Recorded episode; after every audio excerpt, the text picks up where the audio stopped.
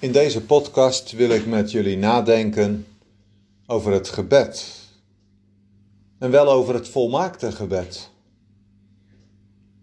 En nu zegt er misschien iemand, nu ja, is er op aarde wel een volmaakt gebed? En ik begrijp wat je bedoelt. Wij kunnen eigenlijk helemaal niet volmaakt bidden. Maar dit gebed is door de Heer Jezus gegeven en daarom noemen we het een volmaakt gebed. Hij heeft dat gegeven aan zijn discipelen en dan weten jullie waarschijnlijk al eh, wat ik bedoel, het Onze Vader. En ik wil een aantal keren nadenken met jullie over dit gebed. Vanavond voornamelijk over de aanhef. Onze Vader die in de hemelen zijt. Dus het gaat over bidden. En ik hoop dat jullie dat natuurlijk ook elke dag doen.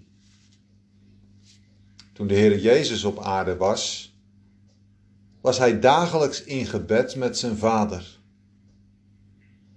En de discipelen die hebben dat gezien, die hebben dat gehoord. Jezus kon niet zonder het spreken met zijn Vader. Misschien ben jij ook wel uren in gesprek met je vriend of je vriendin via je mobiel. En je ervaart dat je eigenlijk niet zonder kunt. Wat zou het ook mooi zijn als je nu ook niet zonder het gebed kunt. Daniel in de Bijbel, die bad drie keer per dag voor zijn venster naar Jeruzalem. Met een brandend verlangen naar de stad waar de tempel stond.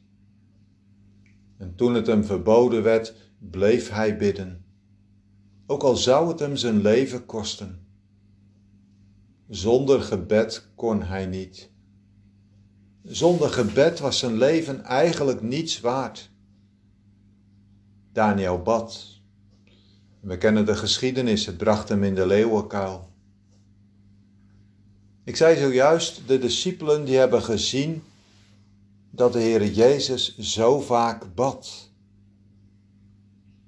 En ik stel me ook zo voor dat ze daar stukjes van hebben gehoord. En als ze Hem hebben horen bidden, dan is hun gebed in hun eigen beleving zo onvolmaakt, zo aards, zo op zichzelf gericht en misschien herken jij dat ook wel. Dat als je amen zegt en je zou je gebed een cijfer moeten geven, en dat je toch steeds weer ervaart, ach eigenlijk is het een onvoldoende. Of misschien zelfs wel, als je heel negatief bent, een nul. Wat moet je dan doen? Moet je dan maar stoppen met bidden? En misschien is daar zelfs wel iemand die zegt: Ja, daarom heb ik het maar opgegeven. Maar wat deden de discipelen toen ze de Heer Jezus hadden horen bidden? Ze gingen naar hem toe en ze vroegen aan hem: Heere, leert gij ons bidden? Wilt u het ons leren, zoals Johannes de Doper het zijn discipelen geleerd heeft? En dan dan gaat de Heer Jezus hen onderwijzen. En dan zegt hij, discipelen, als je nu bidt, weet je wat je dan moet doen? Hij zegt dat staat in Matthäus 6, vers 5, daar vinden we dat. Hij zegt, wees dan niet als de geveinsden, als de trotse mensen want wat deden die trotse mensen? Die gingen op de hoek van de straat staan bidden. Opdat andere mensen het maar zouden zien. Dat die misschien zouden zeggen: Kijk eens, die man die kan goed bidden. Nee, zegt de Heer Jezus, zo niet. Ik zeg u dat ze hun loon weg hebben. Voor zo'n gebed ja, daar volgt geen loon op. Zij zullen niet krijgen waar ze om vragen. Maar als je nu bidt, ga dan in je binnenkamer en de deur gesloten hebben, hebbende. Ga in je binnenkamer. De plaats waar je alleen kunt zijn met God. Daar is behoefte aan. Denk maar gewoon al, stel dat je verkering hebt, dan zijn er momenten, dan moeten er momenten zijn dat je samen bent. Het is niet goed in je relatie als er altijd mensen bij zijn. de Heer Jezus die zegt, en de deur gesloten hebbende. Ook de deur naar de wereld moet dicht. En welke deur naar de wereld het ook is, misschien die computer of misschien die telefoon, die moet uit. Geen verstoring, geen afleiding. En denk daaraan. Dan zegt de Heer Jezus, en uw Vader die in het verborgene ziet, die zal het u in het openbaar vergelden.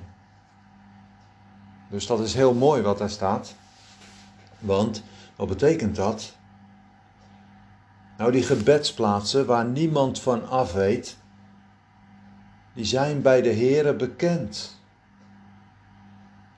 En daar staan voorbeelden van in de Bijbel. Maar ik denk dat Gods kinderen je die voorbeelden ook wel kunnen geven. Denk bijvoorbeeld aan Handelingen 10. Daar gaat het over Cornelius, die hoofdman, over honderd. En dan komt er een engel bij hem en die zegt tegen hem: Cornelius, uw gebeden en uw aalmoezen zijn bij God bekend. Hij heeft ze gehoord. Of denk aan Nathanael. Als hij voor het eerst bij de Heer Jezus komt, dan zegt hij van waar kent gij mij? Dan zegt de Heer Jezus, ik zag u daar gij was onder de vijgenboom. Dat was de binnenkamer van Nathanael. Of nog een voorbeeld, Elisa, die bij de Sunamitische komt. En die sluit de deur, want die jongen was gestorven. En die bidt om het leven van haar zoon. Oh, zo zouden we het wel uit kunnen breiden. Ga in uw binnenkamer. Wat was dat vroeger? Dat was de kamer in het binnenste van het huis, waar het koel was. De voorraadkamer zou je kunnen noemen, kunnen zeggen. En daar, daar kon de deur dicht. En discipelen, hoe moet je dan bidden? Nou, als je bidt, gebruik dan geen ijdel verhaal van woorden. Ga geen lang verhaal houden in het gebed. Want dat is vaak een lang, leeg gebed. Want dan, dan bid je eigenlijk hetzelfde, zegt de Heer Jezus, als de heidenen. Want wat doen die heidenen? Nou, die menen dat ze door de veelheid van woorden hun God kunnen bewegen tot luisteren. Nee, wij moeten maar bedenken, de Heere die weet al voordat wij bidden wat we nodig hebben. Moeten we dan maar niet bidden? Hij weet het toch al? Nee, nee, dat zeg ik niet. Want Hij wil dat we bidden. Hij wil dat we met onze vragen en noden bij Hem terechtkomen. Dat we het aan Hem vragen. En zo, zo leert de Heer Jezus zijn discipelen het Onze Vader. En ik zei al, het is het volmaakte gebed. Kort, kernachtig. En we zouden, als we dat gewoon dat gebed eens even bekijken, het in een aantal delen kunnen verdelen. Het begint met de aanspraak. Hoe gaan wij nu God aanspreken? De Heer Jezus zegt, zeg dan maar onze Vader die in de hemelen zijt. En daarna komen de drie beden die gericht zijn op God. En dan vervolgens nog drie beden die gericht zijn op onszelf. En dan de afsluiting. Maar laten we nu eerst eens kijken naar die aanspraak. Want hoe begin je nu je gebed? Wij zeggen vaak Heere. Maar de Heer Jezus die leert zijn discipelen, zeg maar Vader. En dit is goed om over na te denken. Als je bidt, bedenk dan ook wat je gaat zeggen. Dat doen we toch ook in het gewone natuurlijke leven. Stel dat je een keer wordt uitgenodigd bij koning Willem-Alexander. Dan tref je toch allerlei voorbereidingen. Hoe moet ik me daar gedragen? Hoe moet ik hem eigenlijk aanspreken? Hoe moet ik lopen? Welke kleren moet ik aan? Het zou toch hoogst onbeleefd zijn als je het paleis binnenloopt en je zegt: Dag Willem, hoi Willem. De koning zou toch denken: wat moet die snotneus, wat moet die wijsneus hier? Nee, het is heel belangrijk hoe je hem aanspreekt. De Heer Jezus zegt tot zijn discipelen: zeg maar Vader. Zeg maar Vader, zoals jullie dat ook gewend zijn. Want in het Oude Testament waren de Israëlieten gewend om God met Vader aan te spreken. Dat lezen we namelijk verschillende keren wel eh, terug in het Oude Testament. Bijvoorbeeld in het boek Malachi. Daar lezen we dat de Heere zelf tot het volk zegt: Ben ik dan een vader? Waar is dan mijn eer? Of in het boek Job. Daar bidt Elihu: Mijn vader, laat jullie Job beproefd worden tot het einde toe. Of ook in het boek Jezaja wordt God aangesproken als vader. Waarom? Omdat God vader is vanwege de schepping, de maker. En bijvoorbeeld ook het geslachtsregister van Jezus dat eindigt met Adam, de zoon van God. Vader vanwege de schepping, vanwege zijn volk. Maar we zouden ook kunnen zeggen: God is op meerdere vlakken vader. Hij is ook de vader van de Heer Jezus Christus. Zoals we de drie-enige God verdelen in Vader, Zoon en Heilige Geest. Zo is Hij Vader van de Heer Jezus Christus. Maar God is ook Vader van Zijn kinderen. Zijn kinderen. Zoals bij de discipelen. Maar je zou natuurlijk de vraag kunnen stellen: Mag ik God wel met vader aanspreken als ik geen kind van God ben? Nu, dan moeten we maar bedenken dat de Heer Jezus niet tegen zijn discipelen heeft gezegd: Jullie mogen God als vader aanspreken, maar Judas, jij niet. Want ten diepste hoor jij daar niet bij. Je bent geen kind van God. Nee, dat heeft de Heer Jezus niet gezegd. Maar toch moeten we bedenken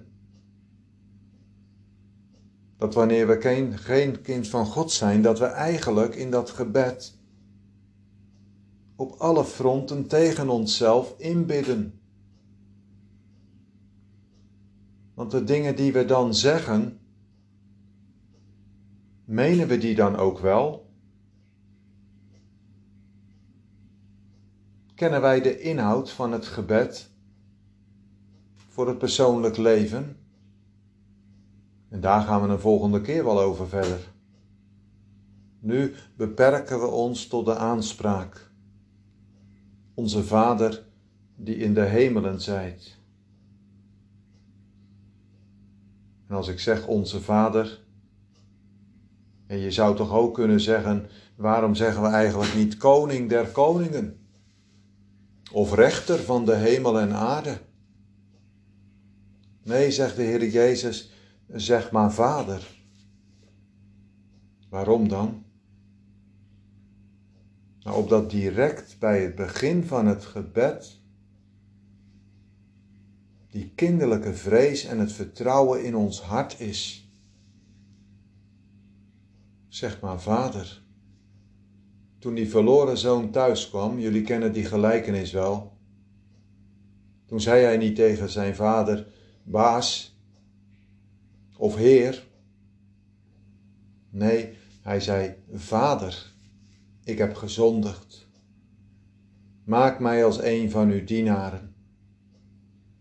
Maar zijn vader gaat er niet eens op in. Want het was zijn zoon, hij was zijn zoon gebleven. Van geboorte. En hij heeft hem weer opnieuw aangenomen. Maar waarom staat er eigenlijk bij die in de hemelen zijt, die in de hemel is? Nou, dat heeft ook een belangrijke functie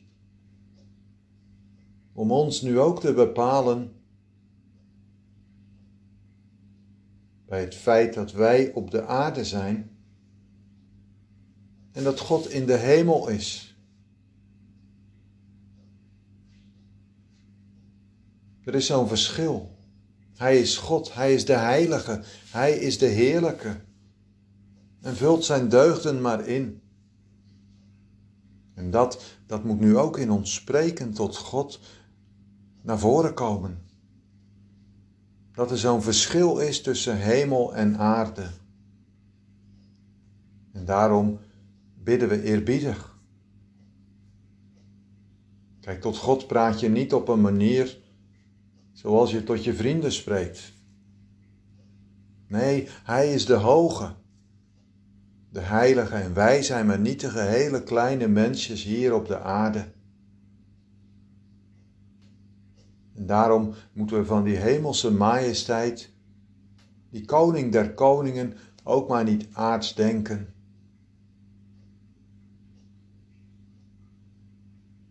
Bij Hem gaat het in de eerste plaats om hemelse zaken. Goed om over na te denken. want als wij bidden, zo vaak houden we God ons verlanglijstje voor. Maar het belangrijkste zijn toch de hemelse zaken, de geestelijke dingen. En wat kunnen wij altijd maar druk zijn? En dan betrek ik mezelf daar ook gewoon in. Met allerlei aardse dingen. En dat hoeven natuurlijk helemaal geen verkeerde dingen te zijn. Je kan druk zijn met met je schoolwerk. Je kan druk zijn met familieomstandigheden. Hoeven helemaal geen verkeerde dingen te zijn, maar hoe belangrijk zijn dingen nu in het licht van de eeuwigheid? Ik hoorde een poosje terug van een jonge man.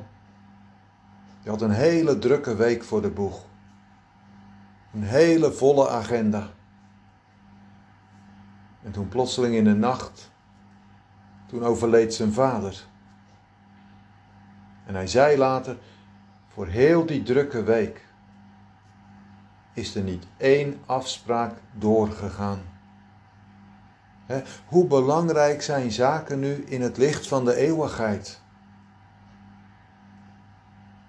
Maar toch, ook die dingen van het aardse leven die mogen we aan de Heere voorhouden. Daar mogen we Hem in benodigen. En Hij zegt het ook. Bid dan. Kom maar. Bid maar tot mij. Want die weg naar de Vader is open. Door de Zoon, die hier op aarde al zo'n volmaakte bidder was, maar die nu in de hemel de voorbidder is van zijn kerk, die dag en nacht bidt. En bij Hem, bij Hem ben je welkom met alles.